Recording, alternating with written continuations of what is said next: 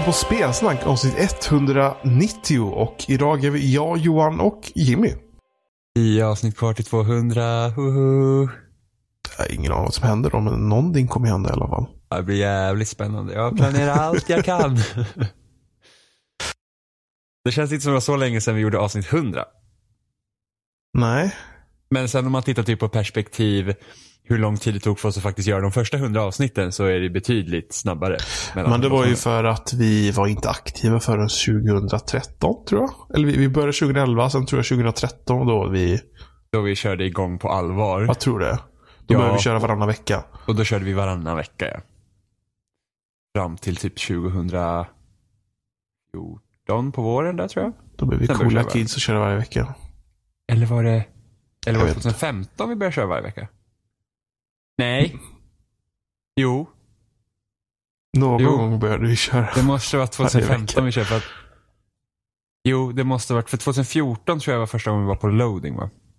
Det var när, jo det måste det vara för det var då när Jag kommer ihåg ett av de första avsnitten vi släppte på loading var eh, Infamous Second Son. Och det kom ut 2014. 2015. Eller var det 2014? Betongkrafter. Nej, Nej, cement. cement. Var det Cementmannen? Jag vet inte. Jag kommer inte heller ihåg, men nu blir jag osäker. Men jag för mig att... När började jag skriva på loading? 2000, det var 2015? Men det var ett tag innan. Du, du skrev ju på loading långt innan vi började publiceras där väl? Nej, Jo. inte så länge. Jo. Några månader. Nej. Det måste det ha varit. Tror inte det.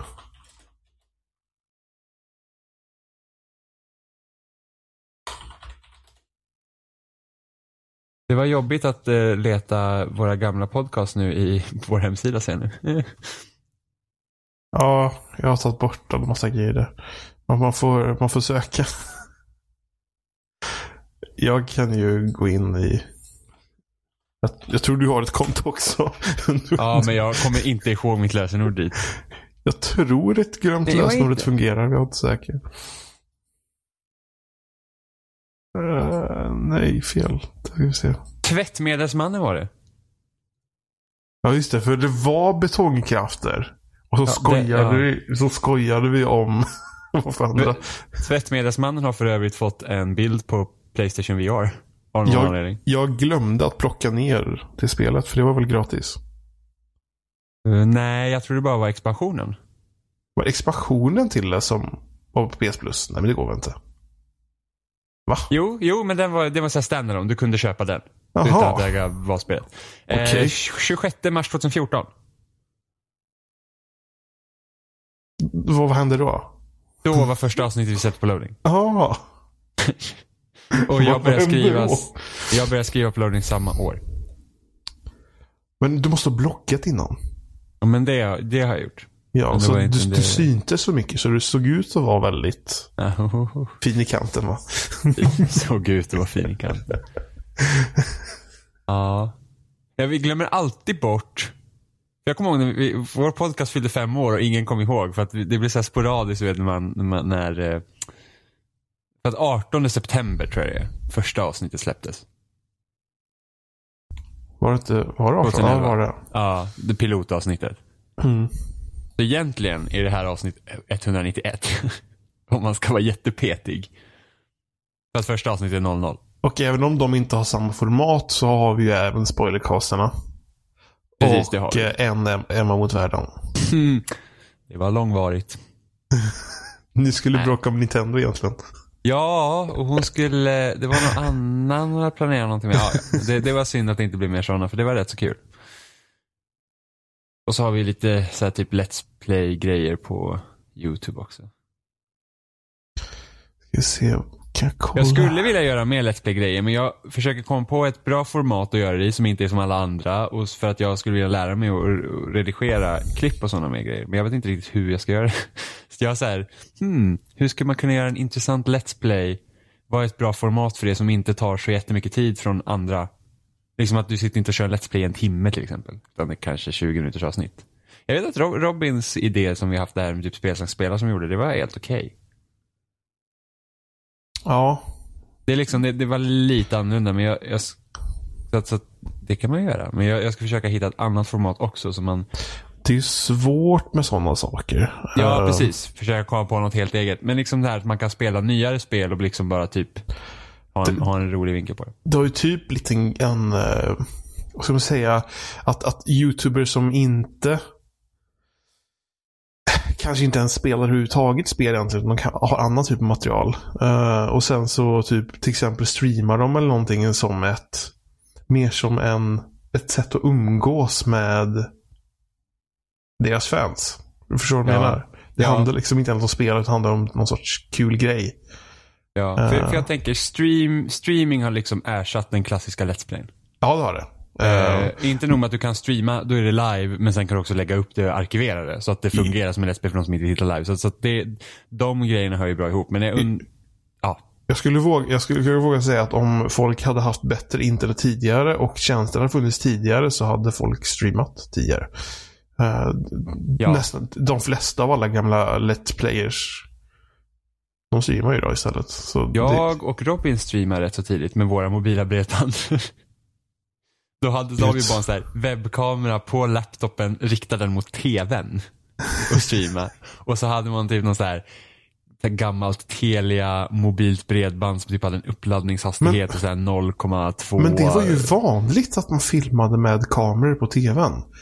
Ja, Det känns som att jag kommer ihåg att det här liksom var... Det hände mer än man trodde. Ja men det, det tror jag när streaming var nytt. För då var det typ så här, det var innan Twitch fanns, för så Justin TV. Ja. Och eh, jag tror vi använde... Ustream. Ustream använde vi ja, för den, den var liksom Men någon av då. de två blev väl Twitch? Eller? Ja, Nej? Justin TV Ja. blev Twitch. Eh, så, att, så att vi streamade via Ustream. Det var rätt så kul faktiskt. Och en eloge till alla som satt och tittade på lagget när vi spelade. För att det var ju liksom made, made no sense. Typ. Det enda som inte laggade var ljudet. Men liksom, det var ju ja, fördröjning och allting. Det var, ju helt, det var hemskt horribelt. Så, att, så hade vi haft bättre internet då, så att man faktiskt hade kunnat streama på riktigt, då är det säkert kanske någonting man fortfarande gjort. Liksom. Mm. Nu, nu är det... Sen, sen finns det ett otroligt bra verktyg som är gratis också. Om man tänker, eh, hjälp vad heter det då? Eh, vad heter programmet? Uh, XSplit? Är det det du tänker på? Nej. Eh, vad he- men open source. Jag har ingen aning. Eller open stream. Ja, vad heter det? Jag, jag har ingen aning om vad du pratar om. Open Broadcast Software heter det ju. Jaha, OBS. vad är det för något? Vad är det för något? Eh, alltså det är ju liksom ett verktyg för att streama så. Från eh, datorn då? Ja, precis. Så Mm. du kan ha flera olika källor. Du kan ha flera olika videokällor och du kan ha flera olika ljudkällor. Eh, Mm. Så du kan ha ett spelet. Sen kan du ha webcams och sen kan du liksom bara klippa och klistra. Och flytta runt hur du vill ha det. Ja, ja, ja, ja, precis. För det vet jag ibland när man tittar på Extra Life. Så vissa kör ju typ två eh, parallella streams. Ja, så sen, så se. sen så kan du göra olika scener. Och sen Mhm. så kan du hoppa emellan dem. Så det blir ju, alltså det är ju väldigt nära liksom tv-ish-aktigt. Eh, Ja, Och innan det fanns så var det ganska jobbigt att göra sådana saker. Eh, och de sakerna som fanns kostade pengar. Och Mm. OBS är gratis. Det är väldigt fascinerande. jag har ju en sån här liten uh, streaming-manik. Som Mm. jag inte kommer ihåg vad den heter nu. De är väldigt vanliga. Elgato? Eh, yes, så tack. Jag har en sån. eh, som jag inte har använt jättemycket. Nej, så då, då dyker den upp som en typ av, eh, kan man lägga in den som en, en videofångsenhet eller någonting sånt där. Då i. Ja, eh, nu är ju Elgatos egna grejer fungerar ju relativt bra. Jo, men, det är just att med OBS så kan du göra så mycket annat. Eh, Yes, Du yes. kan ju lägga in så chatten syns och om du vill göra det och så vidare. Mm, mm, alltså det, ja, precis, det är enklare att redigera medan Elgato-grejerna så är det låst till deras saker. Öppnat upp mycket för att alla ska kunna göra det om man säger så. Ja. Ja. Nej, men jag, jag hade gärna typ, alltså det hade varit kul att streama typ en dag i veckan. Men det, ja, Det tar Det- så mycket tid. det, precis det tar tid och sådär det, det känns som att, alltså någon gång säkert. Men, jag skulle tänka mig när man kommer in i det och man vet att, man, om, att man kan starta upp direkt så man inte behöver fippla. Precis, Utan man liksom och- bara puff kan starta. Ska man köra liksom en halvtimme, timme och så klart. Ja men precis, det, det, skulle, det skulle vara kul att göra. Eh, men då känns det också att det får man ta sen när man själv känner att man också har den tiden och, Ja. och verkligen ger det ordentligt. Eh, det har varit kul. Och sen så är, och, och lära sig liksom alla grejer. Det var bra att kunna. Har vi gjort mer sådana här konstiga projekt? Vi har gjort. Ja. Det, det har vi inte gjort egentligen. Mer än typ första Let's Play. Grejen med, och sen gjorde vi en hel serie på Soma också men det, var- det var inget format som riktigt passade oss. Var det, var det liksom så här Let's Play rakt av? Ja, eller? vi gjorde, alltså jag, precis, jag och Robin satt och spelade Soma i ett streck och vi gjorde typ, vad var det, åtta delar och sånt blev det totalt. Men det blir liksom så här, eh. Men det var också ett försök, det var ju liksom vi bara testade liksom, se hur, hur det är. För det, men det blir liksom så här, jag tror Robin klippte ner vissa grejer också, det blir inte, var inte lika långt. Alltså videoserien blir kortare än vad det tog faktiskt att spela själva spelet. Men, Mm. eh, men det var så här, det formatet var inte intressant. För att liksom varför, alltså, nej. Det, då, då var det roligare med det vi gjorde först. Men liksom, vi typ hade ett ämne vi pratade om. Så det blev som en minipodcast samtidigt som vi spelade. Mm. Och det hade man kunnat fortsätta med. Det är så mycket, det, det tar mycket tid helt enkelt. Format överhuvudtaget är fascinerande. På vår ljudpodcast, eller liksom på ljud, liksom vår vanliga podcast, här är vi typ jättebra på att inte ha något format överhuvudtaget. Mm, nej, det är rätt så öppet. nu. Vårat format är inget format. Nej, och vi har varit mer styrda. Det var bra i början när vi hade det mer styrt eftersom vi inte var vana vid det. Och, och nu, har vi det, nu har vi det väldigt öppet. Det är liksom, vi, vi, liksom, vi har inte så här, Jag tror, skulle, jag tror vi skulle behöva ett mellanting. För ibland kan vi fastna på samma sak och tugga det lite för ja, länge. Ja, men det, det vet jag. Och, och typ när jag och Robin är själva så, så brukar man... Eh, eh, det är väl då egentligen man ska gå in och klippa så mycket som man kan. Jo, men, men ibland, alltså jag har ju försökt göra så att jag ska klippa ner. Men sen när jag sitter och lyssnar på det så är det inte lika farligt som man tycker när man faktiskt sitter och diskuterar det. För att jag kan ibland känna så att nu kan vi inte fortsätta längre för nu, nu, liksom, nu, nu snurrar vi bara runt. Det är nog ett Eh, ganska intressant perspektiv. Ja, just att för oss så, eller om två personer pratar och så en sitter och lyssnar lite så att man bara liksom, nej det är för mycket. Men så kanske det inte blir likadant för den som lyssnar i slutändan. Nej, alltså för att jag brukar... Ja, det är lite olika, men, men ofta så när jag redigerar så brukar jag sitta och lyssna. För om jag tycker så här, nej men det här, här kommer jag behöva klippa bort grejer. Men det är inte ofta jag har klippt bort delar när vi har pratat. För att när man lyssnar på det, ett, klipper man bort någonting, då blir det konstigt. Ja. Eh, för att, Då får du ta bort hela segmentet på något sätt. ja precis, Ä- även om vi snurrar runt bland saker ibland så behövs det hela samtalet för att du ska kunna ha det i någon vettig kontext. Annars, annars förstår man inte helt plötsligt. Ja. Eh, och det är inte lika farligt när man lyssnar på det. Men det är bara för att när man sitter och spelar in så här så är man själv medveten om att nu äter det tid. Eh, och det här kanske inte blir bra. Och sen när man lyssnar på det så är det inte så farligt. Eh, och just det att jag, tyck, alltså jag brukar ofta argumentera för att podcastformatet är bra. Att det gör ingenting om det är långa podcasts för att du behöver inte lyssna på ett streck. Nej, det är väldigt sällan som jag lyssnar på S-streck. Eller ja, jo, det händer ju om jag lyssnar liksom på hela vägen till skolan. Men ibland så, alltså halva vägen till skolan så ska jag liksom snacka med klasskompisar och då lyssnar man en bit och sen så fortsätter man nästa gång bara. Ja, och jag brukar alltså, när jag diskar, lyssnar på podcast, när jag lagar mat, lyssnar på podcast, sen pausar man och så går man och gör något annat, sen fortsätter Ja. man lyssna efter ett tag. Så att, så att därför fungerar det att ha längre format på poddar också. Sen förstår jag ju de som inte vill liksom dedikera typ och lyssna på en podcast i fyra timmar, utan man kanske vill lyssna på flera och det förstår jag också. Mm. Det, det, det, jag, jag gillar ju långa podcasts. Även om jag lyssnar på jäkligt många. så, så tycker jag om när de är lite längre. Men, men timme, en timme är typ sweet spot tycker jag. Ja. På en podcast. Eh, en, en och en halv och vi brukar ofta hamna lite över en timme. En och en halv timme brukar vi. Det, det beror på. Men det är ju där omkring vi kör. Alltså när vi började göra podcast så var det ju ofta vi gick typ på två timmars sträcket. Men där har vi också blivit bättre på att Jag känna tror, av. jag tror till och med vi liksom satte två timmars gräns också ett tag. Gjorde vi inte det? Kanske vi inte gjorde. Ja, Jag tror vi sa att vi siktade på en och en halv timme.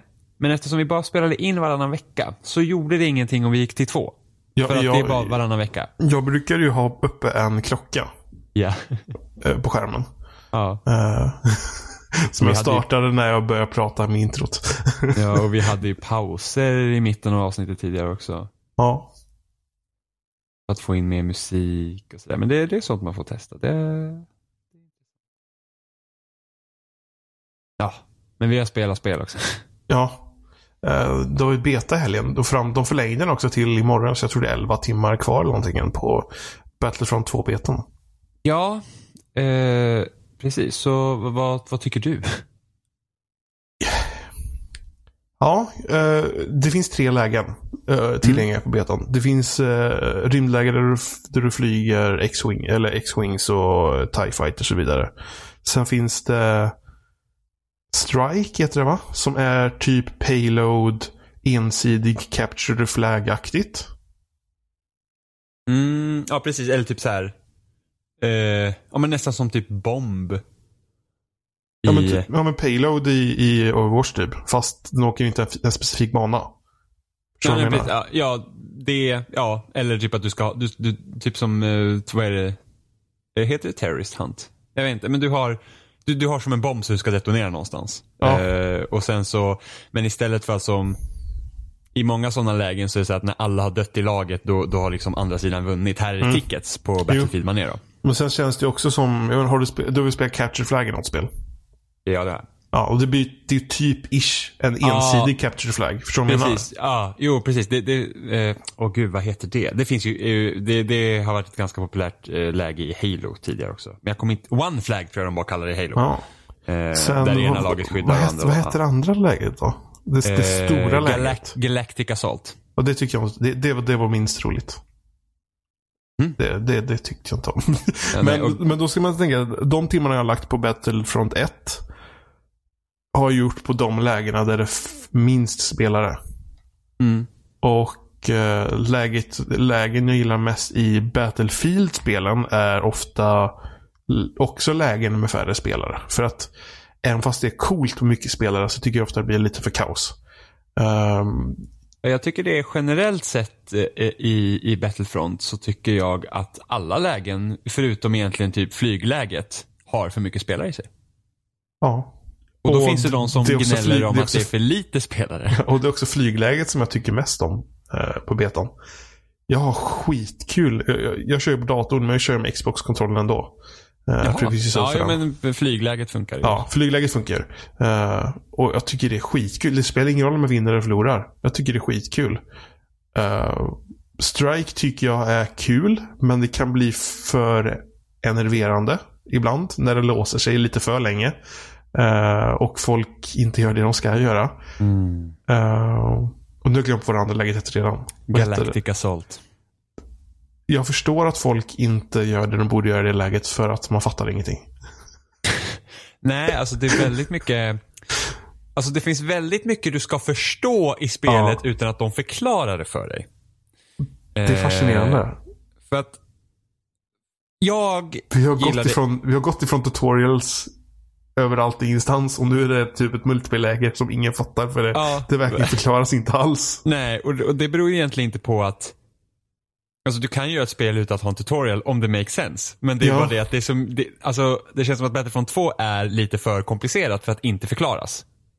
Så läget som jag hela tiden glömmer vad det heter. Galactic Assault.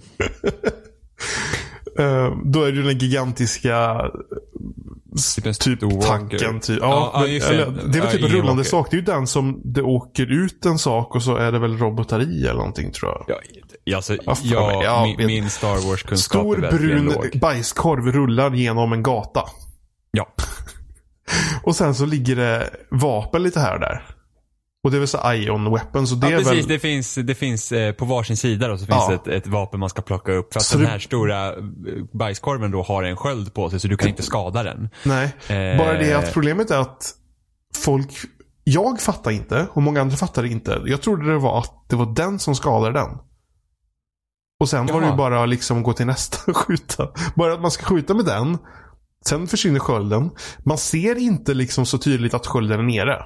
Nej, det gör man inte. Utan det, är- det är typ så här. Dens typ livmätare har ett lås på sig om den inte är öppen för attack. Och Ja. den försvinner när den är öppen för attack. Så det syns också jättedåligt. Ja. Varför inte bara ha någon sorts blått lager över hela och så när man skjuter Eller hur? marken så försvinner det. Fast, men vem vet, det kanske kommer vara så i riktiga spelet sen. Ja, men alltså. Men bara det att jag trodde att man sköt med den och sen så var det lugnt. Och det verkar de andra Roxen jag spelar för att de, den bara liksom åkte igenom med typ 100% eller någonting nästan. Och så var det.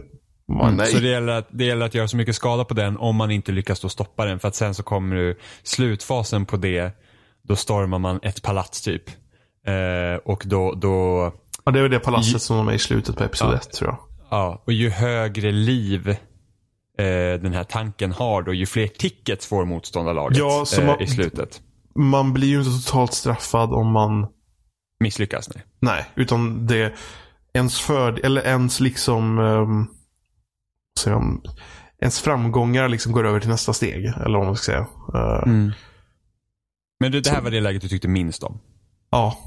Mm. Och, Eh. och, och när jag spelar med två i klassen då.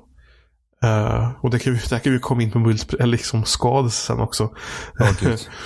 Så vi spelade Strike först för att jag hade spelat de två lägena ganska mycket då. Och jag märkte att Strike var roligast. Så det var liksom där jag fick dem börja spela också då. Och vi hade väl halvkul. Det var liksom så här frustrerande men det var kul ett tag och sådär. Och beroende på hur det gick, som det alltid är i multiplayer-spel, så hade man olika humör och så vidare. Och sen körde vi en runda i spelläget som jag glömmer vad det heter. Eh, Galactic Assault. jag vet inte varför jag inte kommer ihåg det. ja, det, är ett konst, det är ett konstigt namn. Ja, Det det, brukar, det brukar heta Conquest eller något sånt här annat Vad episkt. hette det i första Battlefront? Då fanns det ju Walker Assault hette det va? Ja, just det. Ja, jag förstår varför det inte heter det här för det är väl inga walkers. Eh, kanske. Och, och vi körde typ en halv match, sen ragequittade vi. Vi kanske körde en hel match, jag kommer inte ihåg. Men vi bara tröttna. För det var... Jag vet inte, det, det var inte kul. Alltså, jag... Jag var ju inte förtjust i första Battlefront. Och jag kom ihåg att det tyckte jag inte efter att ha spelat den betan då. För att då var jag så här, men det, det är liksom lite arcade. Det, det är inte Battlefield, vilket vid den tidpunkten var det ingenting jag ville ha heller. Utan jag ville ju att de skulle försöka göra någonting annorlunda. Och det liksom var kul och fartfyllt. Det var liksom så här, pick up and play. Så kändes första Battlefront. Mm.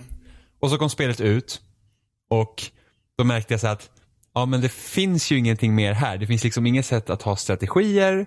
Det, är liksom, det finns inga squads, det finns liksom inga, inga, inga klasser. Det, det, är liksom, det är bara spana, spring fram och dö och bara kötta på tills antingen förlorar ni eller vinner ni. Det kändes liksom, alltså det var så he, helt, alltså det var, hade du spelat en match så du spelat alla, kändes det som. Eh, och nu till då Battlefront 2 så, så har de ju klasser. Eh, och, och, och när man spelar spel, alltså lägena i spelet känns som att de är gjorda för ett mer taktiskt spelsätt.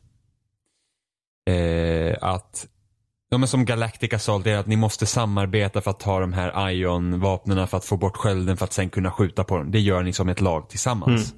Samma med Strike. Ni ska ta upp den här bomben, ni ska leverera den på den här platsen. Eh, det måste ni göra tillsammans. Mm. Eh, problemet är att det finns inga verktyg för att sen faktiskt samarbeta i spelet. För att vi har det konstigaste squad-systemet jag någonsin har varit med om. Squad-systemet är gjort för folk som inte har några bekanta så de spelar med randoms. Mm. Vilket gör att när man inte spelar med randoms så finns det ändå inget bra sätt att samarbeta. Eh, och största problemet i alla fall när vi körde betan nu på PS4 var ju det att det är någon bugg så det gick inte att joina matcher tillsammans. För att ens friendlies där man liksom för att av någon anledning så tycker alla att det är så himla bra att ha ett automatiskt system för att joina sina kompisar, typ som Battlefield 1. Eh, istället för att köra det gamla hederliga systemet ifrån Battlefield 3 och Bad Company 2 där man joinar i en squad innan man söker match så att alla är tillsammans. Och då så att i Battlefield 1 är det typ att man söker match och så förhoppningsvis hamnar man med sin kompis. Eller vadå? Ja, och så antingen kan man joina, en kompis söker match och sen kan man joina den i typ servermenyn eller så är man, har man redan joinat varandra innan och sen när ens kompis hittar match då säger den så här, ah, match, din kompis har en match, vill du också joina? Och så trycker man ja och så får man ju hoppas då att man hamnar på samma sida. Eh, här, eh, igår när vi körde så funkade det systemet på PS4 och då hamnade jag och Oliver i samma eh, lag. Ja, sam, hamna i samma lag gjorde vi tre. Ja, Bara och då- att... Och då ses det- man som en grön plupp liksom på kartan. Så att man, den distinktionen går att göra. Innan vi fick det systemet att fungera så fanns det ingenting. Så känd, oavsett hur många man var och spelade så kändes det ändå som man spelar själv.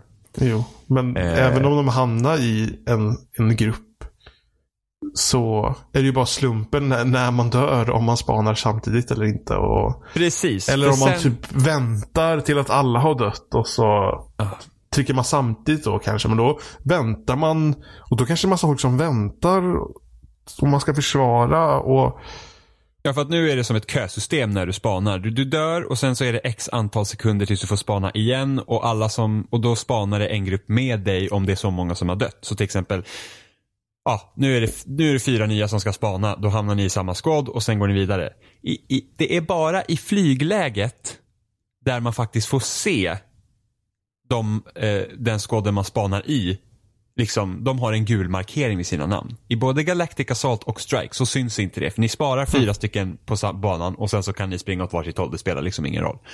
Vilket gör att det blir ju inget samarbete där för du, du håller inte koll på fyra blåa markörer bland alla andra blåa markörer Nej, som men, finns i ditt och så, lag. Och så står det så här när du säger Håll dig nära dina squadmates så får du extra belöning och sånt där. Och så direkt man spanar så springer alla åt olika håll. Ja, för det går inte att hålla koll på dem. Och sen går det inte att spana på sina squadmates heller, vilket liksom, det tar också bort ett taximoment. Vilket gör att hela spelet känns bara som stort kaos hela tiden. För att det finns liksom ingen struktur. Och då tycker jag att de har utformat lägena som kräver att du har den här, det här samarbetet. Annars blir det ju bara så att, nej men jag hamnar verkligen i det sämre laget. För att då, då kommer jag förlora oavsett. För det liksom finns inget sätt, bra sätt för oss att samarbeta. Och speciellt i Strike för där är det verkligen viktigt att laget pushar liksom tillsammans och mm. går tillsammans. Eller håller och, tillsammans. Ja, precis. Och, det är lätt, och där är det lättare att hålla än att faktiskt eh, eh, ha, vara på laget som måste gå med bomben. Ja, för att det, det, kräver, det kräver en helt annan koordination än att bara stå bakom ett träd och skjuta. Och, och, här, och här kommer sån här till att, att det måste vara så himla många spelare hela tiden. Liksom nu, nu är det 16 spelare totalt i strike. Det är inte jättemånga, det är åtta på varje lag. Men det här läget tycker jag hade varit mycket roligare om det varit fyra mot fyra. För då hade det blivit taktiskt. Liksom, att du, ni är ett litet lag och ni ska liksom, ja men typ som Halo. För att nu, den banan. Det hade funkat om man hade kunnat kommunicera enklare. Det, det, hade funkat bättre tror jag. Men jag känner liksom just nu är det så att det, den här lilla banan och det är träd överallt. Det finns inget bra sätt att riktigt gömma sig. Det är liksom så att man ser dåligt och det är liksom bara kaos. Och speciellt om du kör är du på Stormtrooper-sidan så är ni vita och lyser jättebra medan rebellerna och sen typ eh, de här eh, eh, robotarna i Galactic Assault, de smälter jättebra in med omgivningarna. Så man ja. ser dem knappt. Medan Stormtroopers bara, jag är vit. Hej, skjut mig. Eh, så det blir väldigt frustrerande. Men jag tycker Strike är roligast. Eh, flygläget, alltså sådana typ Air Assault och sånt som har funnits både i Battlefield och i Battlefront nu. Eh, har jag aldrig varit förtjust i. Jag, har, jag har inte testat flygläge i Battlefront 1. Jag vet inte varför. Men jag har för mig att flygläget är väl inte bara flyg. Det är väl typ ett steg flyg och sen så måste man gå in någonstans. Är det inte det? Det kom som DLC eh, till spelet. Ja, kanske. Efter, eh, efter eh, några månader tror jag. Och jag alltså. spelade ju bara eh, Battlefront 1. Förutom betan ja. så spelade jag typ tre timmar en kväll. Ja. Sen har jag aldrig rört det igen. Nej, men alltså av de två liksom infanterilägena om man ska säga liksom, på marken så tycker jag att Strike är roligast. Um, sen tycker jag flygläget är, är roligast efter det. För jag gillar liksom känslan. Jag, ett av de första spelen jag hade på GameCube var ju Rogue Squadron 2 heter det väl. Oh. Uh, och uh, det känns liksom som någonting åt det hållet. När man liksom håller på att flyga runt där. Uh, och jag tycker det är skitkul. Jag har aldrig varit liksom riktigt förtjust i den typen av spel. Alltså, nej, nej men, det är därför jag gillar Star Fox Adventures. Ja. men inte nej, precis. typ andra. nej, nej men, men jag tycker det är, det är riktigt kul. Och det tycker jag känns mer... Där känns det så här liksom, det är blandat att förlora eller vinna. Så det mm. läget känns ganska liksom eh, balanserat. Eh, de andra lägena tycker jag inte känns lika balanserade. Även om det är svårare och, eller någonting. Men... Och banorna är så konstiga. Alltså det, ja. problem, första Battlefront har mycket problem med att banen var ju åt helvete. För du kunde liksom typ, alltså det fanns liksom inga begränsningar för motståndarna. I, i första Battlefront. Du kunde mm. liksom springa bakom spanen och skjuta dem i ryggen när de spanade. Eh, det, det, det har de ju, det, nej, det har de ju förbättrat här. Det finns ju, det finns ju i Strike till exempel finns ju spanområden. Ja. Eh, men det är bara det att här är banan, här börjar den inte liksom i söder och går till norr. Utan du kan behöva röra dig liksom från typ ja. öst till väst. Och liksom så då, då, kan man ändå hamna så att du har, du kan ha folk framför dig och du kan ha folk till sidan på en gång. Eh, vilket stör. Sen i Galactic Assault, den banan är ju bara en lång jävla raksträcka. Mm. Och det är ju liksom, det är inte, alltså, det är inte speciellt kul och speciellt inte när man ska försöka liksom skjuta något så är det någon jäkel som har och spanen ändras ju också hela tiden beroende på, på var, hur långt man har kommit liksom i fasen och då kan du hamna i en sån situation där du faktiskt spanar framför fiender. Och det är jättefrustrerande för det finns inget sätt för dig att veta om det. Eller ens välja span. Eh, du spanar bara. Eh, och sen så, och, det, det läget tycker jag har jättestort problem också med att det är för många spelare, speciellt på sista fasen. För att det blir klusterfuck i tronrummet. Ja, för så fort de har tagit över tronrummet, alltså får motståndaren lite övertag i tronrummet, då kommer man inte ut. För att då, då är det typ tre, fyra dörrar som, som, som laget kan komma ut i, de som försvarar. Då. Och då kan folk liksom stå gömda så att de skjuter dig i ryggen medan du springer, när du springer ut. Så kommer Darth liksom Maul också. Ja, och sen så kommer ju de här hjältarna då, Darth Maul. Men vi har ju förstås Ray. Men alltså det är liksom, det känns inte riktigt genomtänkt. Och, eh, man tjänar valuta medan man spelar. Vilket gör, det är den man använder för att till exempel spela som hjältarna då, som Ray eller Darth Maul. Eller lite så specialklasser då som typ eh, Rocket eh, Trooper som har jetpack. Mm. Till exempel. Det var ju en attachment i första Battlefront som alla kunde ha den. Eh, och sen så eh, lite så här, typ på e Galactic Assault, så de här robotarna så kan du spela som starkare robotar eller typ få en tank-ish, eh, flygplan eh, och sånt. Eh, och här kommer det finns faktiskt ett problem. För att det är samma valuta till det är samma valuta som de här små, eh, mindre, alltså lite starkare klasserna som det är som till hjältarna. Och det känns så att de borde ju, de två borde ha olika valutor så att inte folk liksom bara sitter och hoggar sina poäng. Alltså de köper inte de här starka klasserna utan de väntar bara på att få spela som hjälten. Men jag tycker, jag tycker man tjänar mer poäng också. Man tjänar mest poäng på kills. Ja. Och det är ju inte alltid, beroende på vilken sida man är, som det första objektivet är att döda. Nej. Och då blir det jobbigt för då får man aldrig några poäng. Jo, men. så är det. Men, men, men jag förstår liksom inte varför, varför man har samma valuta till hjältarna och till de vanliga klasserna för att det uppmanar till att sitta och vänta på att spe, få spela typ som Darth Maul. Ja. Nu så kan det bara vara en Darth Maul och Ray, eller en hjälte då i spel mm. samtidigt. Eh, så att, så att eh, är någon Darth Maul redan så kan inte komma till Darth Maul. Men då finns det ett annat problem. För så fort den här Darth Maulen dör, vilket liksom kan vara jäkligt jobbigt att få ut, då kan det spana direkt en ny Darth Maul. Det finns liksom ingen cooldown för en nästa person kan använda sina poäng till att ta en Darth Maul. Eh, vilket gör att liksom, ja, det blir helt enkelt väldigt jobbigt. Och det, det gäller ju såklart på, på en, andra, eh, båda sidorna då. Så att, så att finns det en Darth Maul hela tiden kan det finnas en Ray hela tiden. Men, men sam, sak samma det är, fort, det är inte kul när man springer som en vanlig soldat och så kommer Darth Maul och bara såhär dödar den. Eh, så, så att det, det är liksom lite så små grejer som bara är så lite störiga, tycker jag. Eh, men på det stora hela tycker inte jag att det är kul. så, att, så för mig spelar det egentligen ingen roll. att jag tycker inte att det är kul. Jag hade, jag hade inte kul under betan. Jag tyckte inte att det var roligt. Jag, eh, jag, har, det, bara, jag har bara haft kul i flygläget. Eller så här, det... Och sen små stunder i strike. Uh, men liksom inte överlag.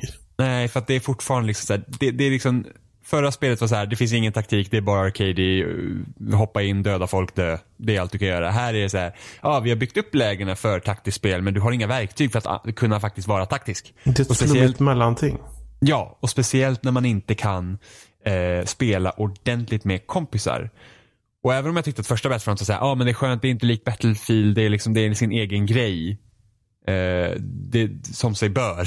så jag nu såhär, oh, jag önskar att det skulle vara mer som Battlefield. nu är jag, så här, jag vill ha squad, jag vill spara på min squad, jag vill bara kunna spela det här i Star Wars. Ge mig det typ. Eh, man, vill ju, man vill ju dra nytta av att man spelar som grupp, eller? Ja, alltså. Det är ja, meningslöst man... att spela som grupp nu. Det, det, det jag, jag, har sett andra uh, prata om det. Uh, just att det känns som att det slutar med att man inte man pratar inte med sina kompisar. Det behövs inte. Det är som att man sitter och spelar själv. Ja. Det Men man, råkar, man, man, råkar, man råkar sitta i samma röstchatt bara om man gör det. Ja, och det är ju jättetråkigt. Det är ju multiplayer-spel. ja. Det är ju typ som om man skulle spela Destiny själv och, tro, och hoppas på typ en liknande upplevelse som att spela World of Warcraft. Alltså för, för den sociala aspekten. Mm. För att World of Warcraft, när du spelar det själv så är det massor med andra folk som spelar ute i världen samtidigt. Du kan träffa folk där som du kan spela tillsammans med. Medan i, i Destiny så är det väldigt så MMO light. Det, det är liksom, spelar du själv så spelar du själv. Det är inte som att du kommer liksom träffa folk och liksom bara, yay nu gör vi någonting tillsammans. Utan det kanske är public event men det liksom går inte djupare än så. Eh, mm. Och då första Destiny då. De har gjort lite andra system i Destiny 2.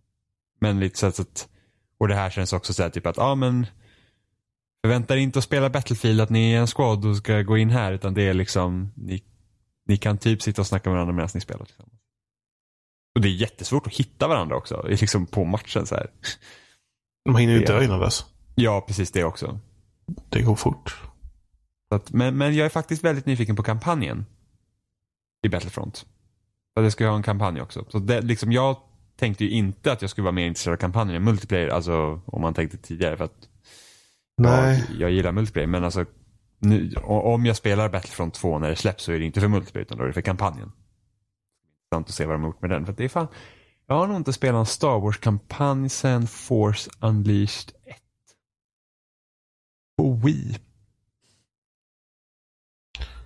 Nej, det, det, har ju, alltså, det har ju funnits saker i planerna som de har lagt ner. Ja, Star Wars det, 1313. Ja, men så kommer det här eh, det Visual Games. Ja, just det. Som utvecklar ett nytt Star Wars. Det är Amy Hennig som skriver va? Om det var deras. Om det, jo, det var väl Amy Hennig som jobbar på Visual Games Star Wars. Och Visual Games. Jag har för mig det. Jag tänker inte fact-checka nu, det får de göra sen. Men jag har för mig det i alla fall. Och eh, de Visual Games har gjort Dead Space. Ja, just det. Så det, det, det ska bli spännande att se. Men alltså, att spela Battlefront fick mig att vara jättesugen på att spela Jedi Outcast 2. Mm, det hade jag på GameCube. Till, till GameCube. Ja, jag hade det inte. Robin hade det, men jag lånade av honom. Eh, och det var... Jag klarade aldrig den kampanjen, för jag kommer ihåg att den var fan svår. Det var skitsvårt. Eh, jag, jag, jag, har, mycket... jag har det på Steam ja. nu istället. Oh, nice. Jag... Eh, jag spelade mycket multiplayer dock. Så jag ja, och en komp... Jag och en kompis, vi spelade som jedis. Och sen så satte vi en AI, jag kommer inte ihåg vad banan hette, men det var typ den bästa banan i spelet tyckte jag. Och det var liksom så här, eh, var smala liksom så här, eh, catwalks runt hela banan. Och sen ramlade du ner från den så var det liksom bara avgrund. Mm. Eh, så var det liksom två sidor så vi brukar spela capture flag på den. Men jag och en kompis vi, vi brukade sätta en AI-motståndare på motståndarlaget, svåraste svårighetsgraden och sen bara jag och han som jedis och så brukar vi springa runt på den här banan och se till att den, den AI inte skulle hitta oss. För det, alltså det, de var ju så jäkla bra så man dog ju typ på en gång. Så vi, vi körde så här katt och råtta-lek med AI. Det var rätt så kul. Eh, men det fick mig liksom att bli sugen att spela det spelet när jag spelade Battlefront 2. Jag, jag tycker det är fascinerande hur man tyckte allting var så mycket mer storslaget. När man uh, var liten säkert? Ja. Uh, hur man typ körde sådana multiplayer liksom. Uh, tyckte det var helt otroligt. Eller lite senare då jag och några kompisar körde uh, någon Far Cry-variant på original Xbox. och så gjorde ja. vi egna banor. Och sen körde vi typ, eh, vi körde två eller tre eller fyra spelare på de här banorna. Eh, ofta gjorde de alldeles för stora banor så man sprang bara runt och letade efter varandra. Men det var jättekult för vi hade gjort banan själva. ja, men det var så skumt hur man typ, alltså, och så många spel, äldre spel hade typ så ett multiplayer-läge för, fyra spelare. Ja. Alltså ofta Nintendo-spel också. Jag kommer ihåg typ att Donkey Kong 64 hade ett multiplayer-läge. Det brukar vi spela. Alltså, Lilet Wars också ju. Ja, det har inte jag spelat.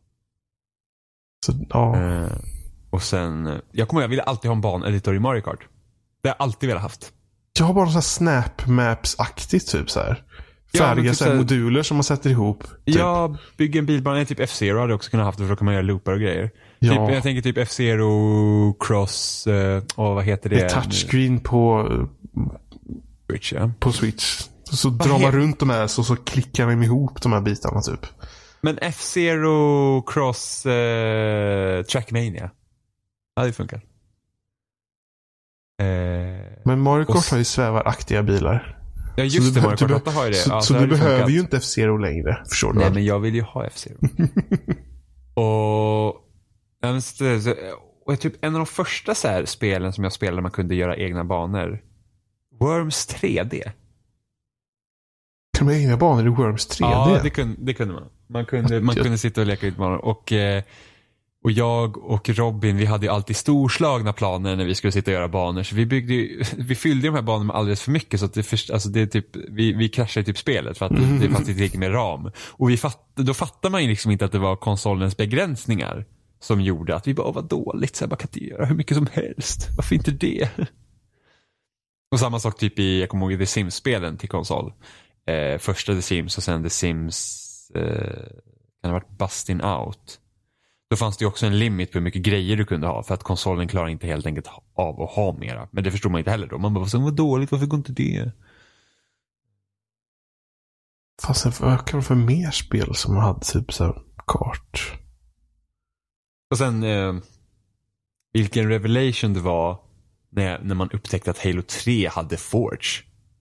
Hade ju, Just det, det hade- var så här map Jag tror det är Halo-spelen va? Ja, det är det. De är rätt så bra.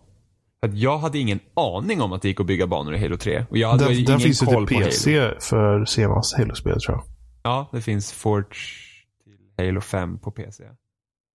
Eh, jag hade ingen aning om att gick att bygga banor. Robin, men jag har för mig att man skulle kunna bygga det. Så vi letade massa, så hittade vi det och så hade vi byggt banor där. Och så gjorde vi massa saker, som typ bästa Forge i Halo Reach. eh, Forge World. Där du kunde göra massa olika grejer där. Eh, så där brukar vi ofta sitta och bygga banor och hitta på, typ köra go-kart-race och sådana grejer. Asroligt. Där, och sen uh, Trial-spelen. Ja, Uh, har ju faktiskt eh, väldigt imponerande eh, editors. Lekte aldrig med den i Fusion bara för att jag tycker Fusion är inte ett bra spel. Men både Evolution och Trials HD var, var jättebra. och Revolution är det jag har kört. Men Evolution är jättebra. Men jag tycker fortfarande att Trials HD hade bäst banor.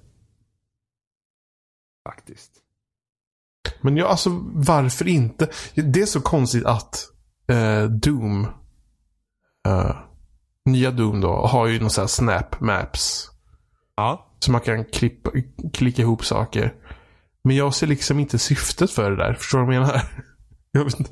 Det känns som en sån sak man ska använda. Men om man ska ha någon sorts liknande funktion. Att det fanns så olika typer av svängar. Som man kan ju klicka ihop och sådär i, eh, i Mario Kart till exempel. Mm. Jag, jag förstår och jag ser hur det skulle kunna användas där. Mm. Och jag, det är så synd att det hade varit kul om de hade gjort det. Alltså, Men de har gjort men Mario Maker. Så Oh, tänk Mario liksom Maker Mario. Kart Maker. Åh gud, alltså jag hade, mm, jag hade gjort så många banor. Tänk om man, Alltså, typ, man ser överifrån först och så klickar man ihop med olika banorna. Och sen kan man se sidifrån och så dra upp och ner sig på olika backar och grejer. Åh, åh, fantastiskt. Det hade varit så bra. Varför, varför gör Nintendo inte sånt som man vill? Ju varit, För att då har de inte total kontroll över produkten. hade- det hade varit, för det kommer det här Little Big Karting, kom ju till PS3. Där kunde man göra egna banor. Ja, det hette väl Mod Nation Racers hette någonting sånt där egentligen tror jag. Och sen ja, just så det. Kom rebrand- sen, och sen kom Little Big Karting. Ja. de, de, de rebrandade till det andra för att, jag menar. Sp- Spela aldrig det för att, alltså ärligt talat, det är bara Nintendo som kan göra bra kartracers. Ja, det var nog mer liksom att man kunde göra egna banor som de tyckte var spännande. Men sen Ja, så såg det precis. väldigt medelmåttigt ut. Men sen tänker man också så här att om fysiken på något sätt skulle likna den i Little Big Planet, Åh, då skulle det vara horribelt. Alltså, jag älskar idén med Little Big Planet. Alltså, jag tycker verkligen att det är typ det är typ en av Jättefint. förra, ja, en av förra generationen. Så här, liksom, vilken fantastisk liksom, estetik och, och så här, vilken bra idé. Och sen är det så jäkla förbannat tråkigt att spela.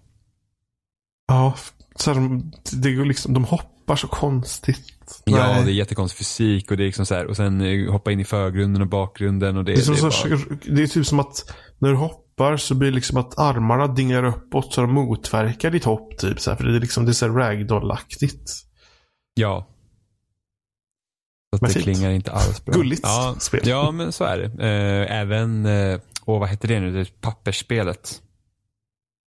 Gud. Som de släppt, som samma som har gjort... Eh, Unravel? Nej. Nej, det var det där andra. nej, inte Unravel. Det är Nej, det var svenskt. Eh, gud, jag ser ju, jag ser ja, framsidan jag ser det framför mig. också. Det, det kom det till som- vita Ja. och sen så kom det till PS4.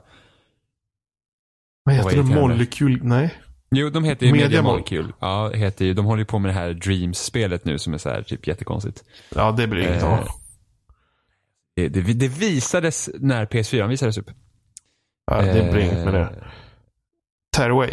Just det, precis. Och Tearaway Unfolded.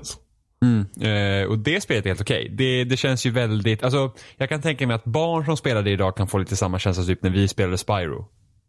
Och typ den typen av spel. Det, det, det känns som Tearaway. Det är liksom inte svårt, det är väldigt så här barnvänligt, tillräckligt liksom utmanande och stimulerande. Eh, jag har inte klarat det, men det är helt okej. liksom. 2012 visade de eh, på Gamescom.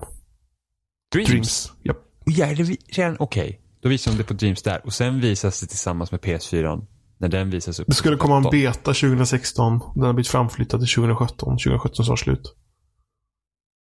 Åh, det, det spelet kan jag nej, nej, nej. kolla. 2012 sa de att de arbetade på projekt. Ah, okej. Och sen visas det upp tillsammans med PS4. Mm, 2015. Teaser 2014. Ja, herre. Jag vet Ja, inte. Det, det, det, eh, det är väl är inte det tänkt att vara till... eh, eller kanske inte är. Jo, men det är väl tänkt... PSVR eller? Ja, eller? Ja, ja säkert. Det, det, Det kommer Ja. en ny PSVR. Känner du dig mobbad?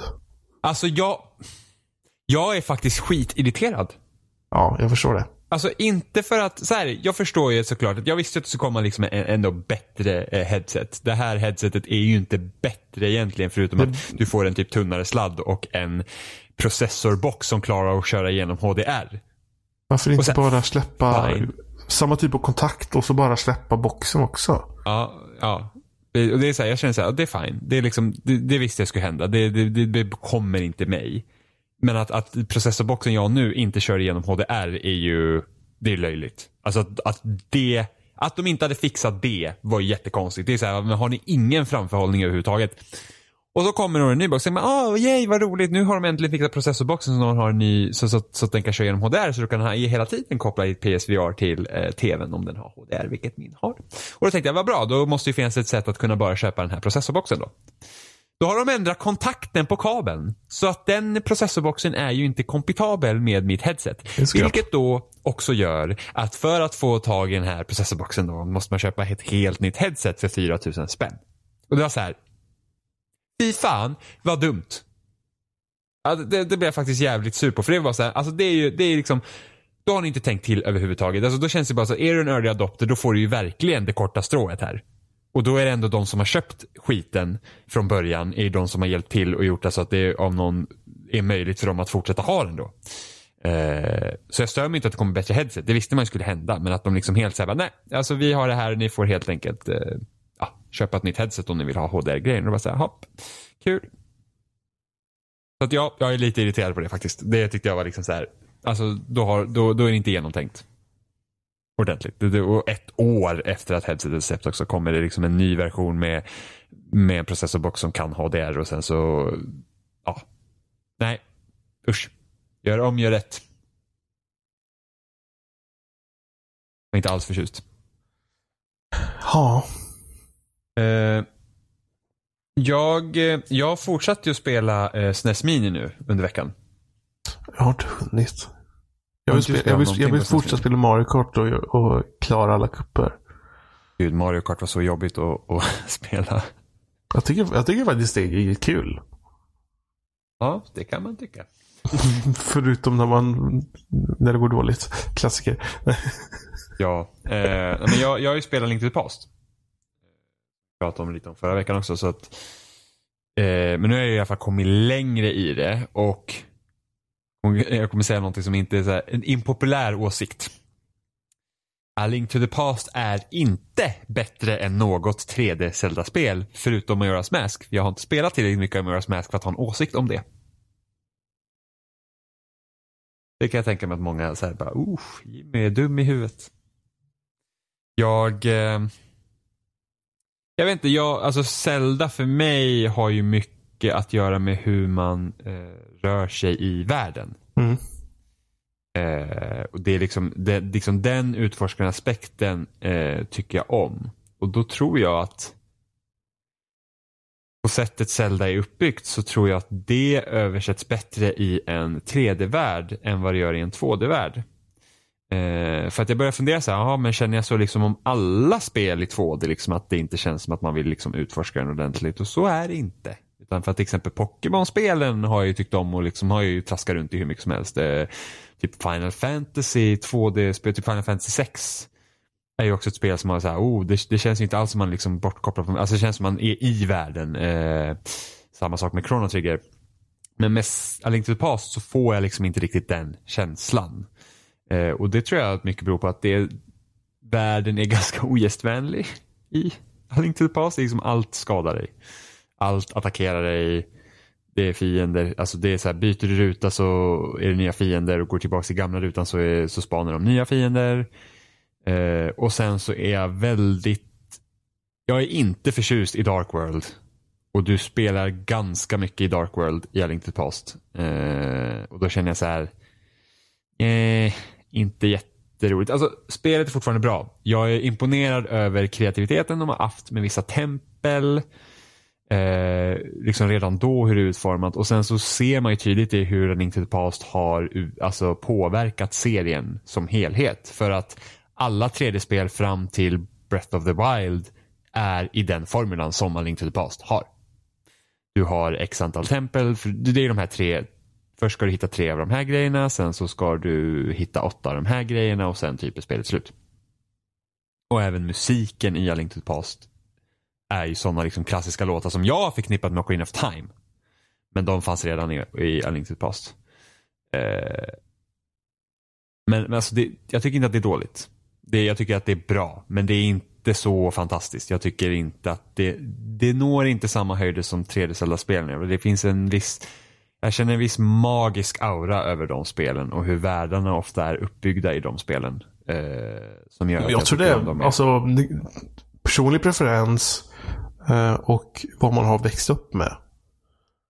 Jo, så är det ju. Så kan det ju mycket väl vara. Um, och för det är liksom, det är olika spel på samma gång som de har kopplingar till varandra. Jo, uh, men A Link to the Past är väldigt likt alla Zelda ja, som har jo. kommit efter det. Eh, förutom att det spelas i ett 2D-perspektiv. Men jag tror liksom den här känslan att bara gå in i världen i 3D är eh, Alltså då, den känslan har de lyckats mycket bättre med än hur det känns i A Link to the Past. Tycker jag då. Mm. Men, men det, det, det, det, är kul med, jag tycker jag, jag är väldigt förtjust i min SNES Mini förutom att man måste trycka på Alltså sättet man sparar på den är ju så jäkla dum när man måste trycka på reset-knappen på konsolen.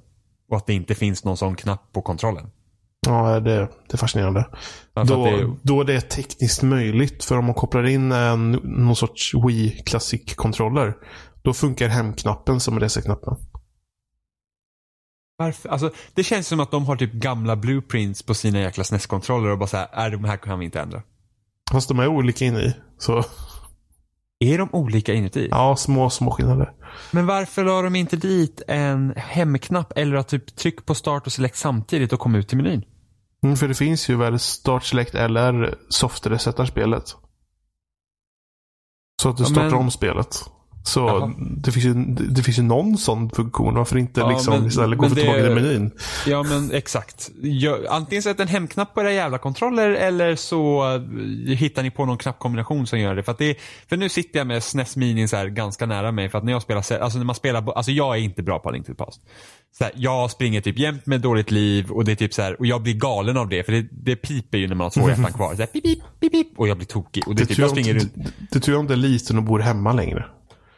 Alltså jag springer... Liksom, hur föräldrarna jag... liksom tyckte sånt var skitjobbigt. Ja, jag springer runt och hör det där jävla ljudet konstant. Och, typ, och alltid typ så tre hjärtan när man kommer till bossen och man bara, ja, ah, det här kommer bli, det här kommer bli en bitch. Och så och så sitter jag så här typ att, ja nu fick jag in ett slag på bossen. Jag är i ett bra ställe nu så jag kan spara. Det är så här, ett slag på bossen, resetknapp, spara, in igen, ett till, resetknapp, spara. Att jag hade velat haft en snabbare sån meny. För att det är så jag spelar. Jag cheesar bossen med sparfunktionen. För att jag är dålig på spelet. Jag tycker så... det är okej okay, för funktionen finns där. Då är det okej. Okay. Nintendo, sitter, Nintendo sitter det okej. Okay. Det är bra att den finns, men det är så att, ja, tänk om jag skulle ha min SNES Mini liksom närmare tv. Eller egentligen borde den ju inte vara där vart den är nu. Den är på liksom mitt soffbord. Så den borde ju vara längre bort. Och då hade jag inte nått den. Så jag måste typ sitta med SNES Mini i knät för att kunna använda den funktionen. Kanske därför de har så korta sladdar. De bara, men vi vill inte att någon ska, ska missta för att inte använda den här funktionen. Så då gör vi kort, sladdarna jättekorta. Så man måste vara nära konsolen konstant. Ja, eller så har de bara slängt in en liten home-knapp emellan start och select. Puff, klart. Ja, det borde de ha gjort. Litet Mario-huvud eller någonting man tryckte på. Ja. ja. men det hade varit en, en, rund knapp i samma gummi som de andra. Ja, men eller hur. Det hade, varit, det hade liksom varit eh, fantastiskt. Fantastiskt.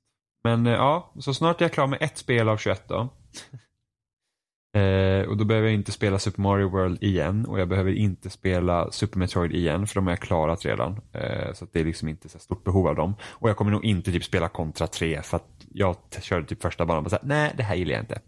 Eh, men jag vill spela, Länk till ska jag klara ut, jag vill spela eh, Yoshis heter det? Super Mario World 2, Yoshi? Mm. Ah, Yoshi's Island. Yoshi's Island. Eh, det vill jag spela. Jag vill spela Lilat Wars, jag vill spela Star Fox 2. Jag vill spela Final Fantasy 6. Du menar Star Fox? Star Fox, ja. Vad sa jag? Lilat Wars. Det heter Star Wing i Europa, tror jag. Lilat Wars i 64? Ah. Japp. Yep, Så var det. Ah, ja, Star Fox-spelen vill jag spela. Mm. Eh, ja, så jag har spelat om... Star Fox 2 rätt mycket. Men mm. jag har inte liksom kommit tillräckligt långt för att klara det. Eh, jag tycker faktiskt det är charmigt. Ja. Men jag förstår varför de inte släppte det. Ja, alltså anledningen, till, ja, men anledningen till varför de inte släppte det hade ju inte att göra med på kvaliteten på spelet. Det var copyright 96. Det var ju... 1964 var liksom Precis, Precis det var, Nintendo 64 skulle släppas och de ville inte släppa Playstation måste väl ha släppts redan?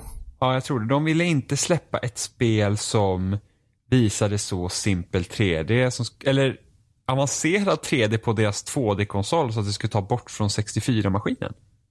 Någonting sånt. Nej men alltså. Ja, jag vet inte var, alltså jag vet inte hur bra argumenten är, men det var helt enkelt jämför man 64 eller jämför man Playstation så ser det horribelt ut. Okay. Ja, men det var, det var något sånt i alla fall. Spelet var ja. klart. Ja, det har ju till och med engelsk översättning och det har ju till och med mediafolk i USA sagt att eh, på 90-talet när de hade det på mässor eh, mm. så gick det att spela igenom spelet på mässan med engelska. Oh, Jesus. Så det är liksom den officiella liksom, översättningen som gjordes på 90-talet som vi har fått. oh, nej, men men det, det får man ju ändå ge dem en eloge till att de har släppt.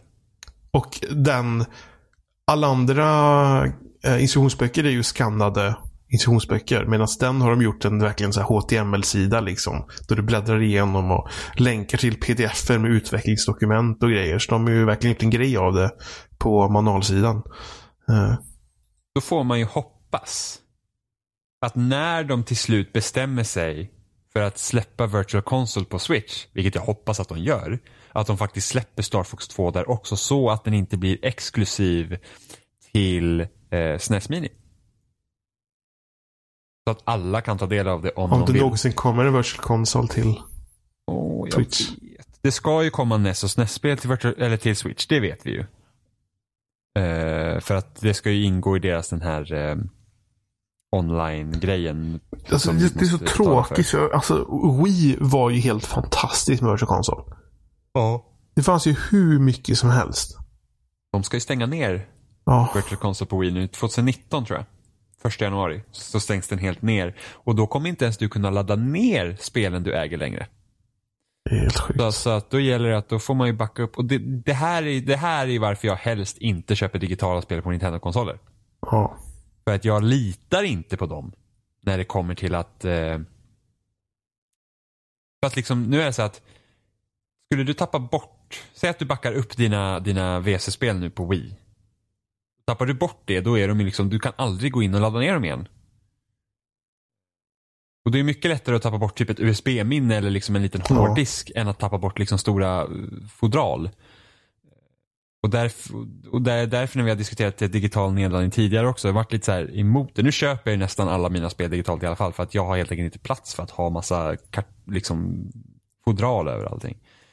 Eh, men liksom med Xbox och med Playstation och då allra liksom mest Xbox och med Microsoft så är det att de har ju faktiskt Alltså de har ju listan liksom med spel. Alltså du kan gå tillbaks långt i din orderhistorik och hitta alla spel du har köpt. Och Microsoft är ett sånt företag som antar att de kommer finnas kvar ett tag. Liksom. Eh, därför känner jag mig mer säker med det. Samma sak med Steam. Men man vet, så du är ju fortfarande, man vet ju aldrig. Ja, då är GOG bättre. Ja, för det är helt DRM-fritt va? Mm. Så du kan ju, om du vill, så kan du, alla spelen du äger, du spara ner till en installationsfil och lägga upp på ditt mål någonstans eller något. Mm. Så att, eh, Eller skriva ut på DVD eller hur du vill göra. det, det- det kom faktiskt en artikel eh, i veckan om vad händer med ditt Steam-bibliotek när du dör? och du får faktiskt inte ge vidare det till någon. Du kan inte överföra licenser från ditt konto till någonting annat. Du kan liksom inte, du kan inte skriva i ditt, i ditt testamente att någon får dina Steam-spel. Utan då får du ge bort hela din inloggning till den personen som får ta hand om det i så fall. Men du kan liksom inte, du kan liksom inte föra över någonting. Du har inte rätten till det. Ja, nej. Och det, det, ska bli väldigt intressant hur man löser det liksom i framtiden så för att nästan allt går ju mer digitalt. Allt vi äger. Eh, och se hur, hur, hur liksom, för det är ju ändå, alltså, och, och det visar ju bara liksom att licenser äger vi inte, vi hyr dem i princip. Det, det, det tål att funderas på. Mm. Det var väl allt vi hade för den här veckan tror jag. Eh, ja, det tror jag också. Ja, eh, vi finns som vanligt på spelsnack.com. Eh, där hittar ni länkar till Facebook, YouTube, eh, RSS-flöden, iTunes. Ni får gärna mejla till oss, eh, spelsnack.gamer.com eller twittra till oss, eh, spelsnackpodd heter vi på Twitter. Eh, hör av er. Gärna. Ja, eh, gör det. Det är alltid roligt när ni hör av er. Säger snälla och. Ja, Vi har fått ändå rätt en del av tid, eh, veckorna. Folk eh, är generellt sett snälla. och Det var tills nästa vecka säger fick vi en- hej då. Ja, det gör vi. Det var länge sedan vi fick en negativ kommentar. Ja. Det var typ när vi bashade Switch. Det var, det, det, det, det, det var farligt. Den blev ju fin så det, det, var ja, väl- precis. Det var, det var liksom inget, det var inte som att personen var... Jag vet inte om det var... Vad, vad, vad bashar vi? Eh, Nej, vi... vi Online-funktioner och sånt eller vad? Ja, han tyckte att vi var lite för kritiska. Och sen så Ja, vi hade- pratade om sen- SD-kort och det också. Ja, och sen hade vi en liten eh, diskussion och så. så det blev liksom inget... Alltså det var ett missförstånd skulle jag nästan säga att det var. Jag tycker fortfarande SD-kort och sånt där är konstigt. Ja. Det är dyrt. Så det, jag, jag vet inte. Ja. Nej, vi får inte hamna in på det. Vi säger hej då Nej. och så hörs vi nästa vecka igen. Hej då! Hej då.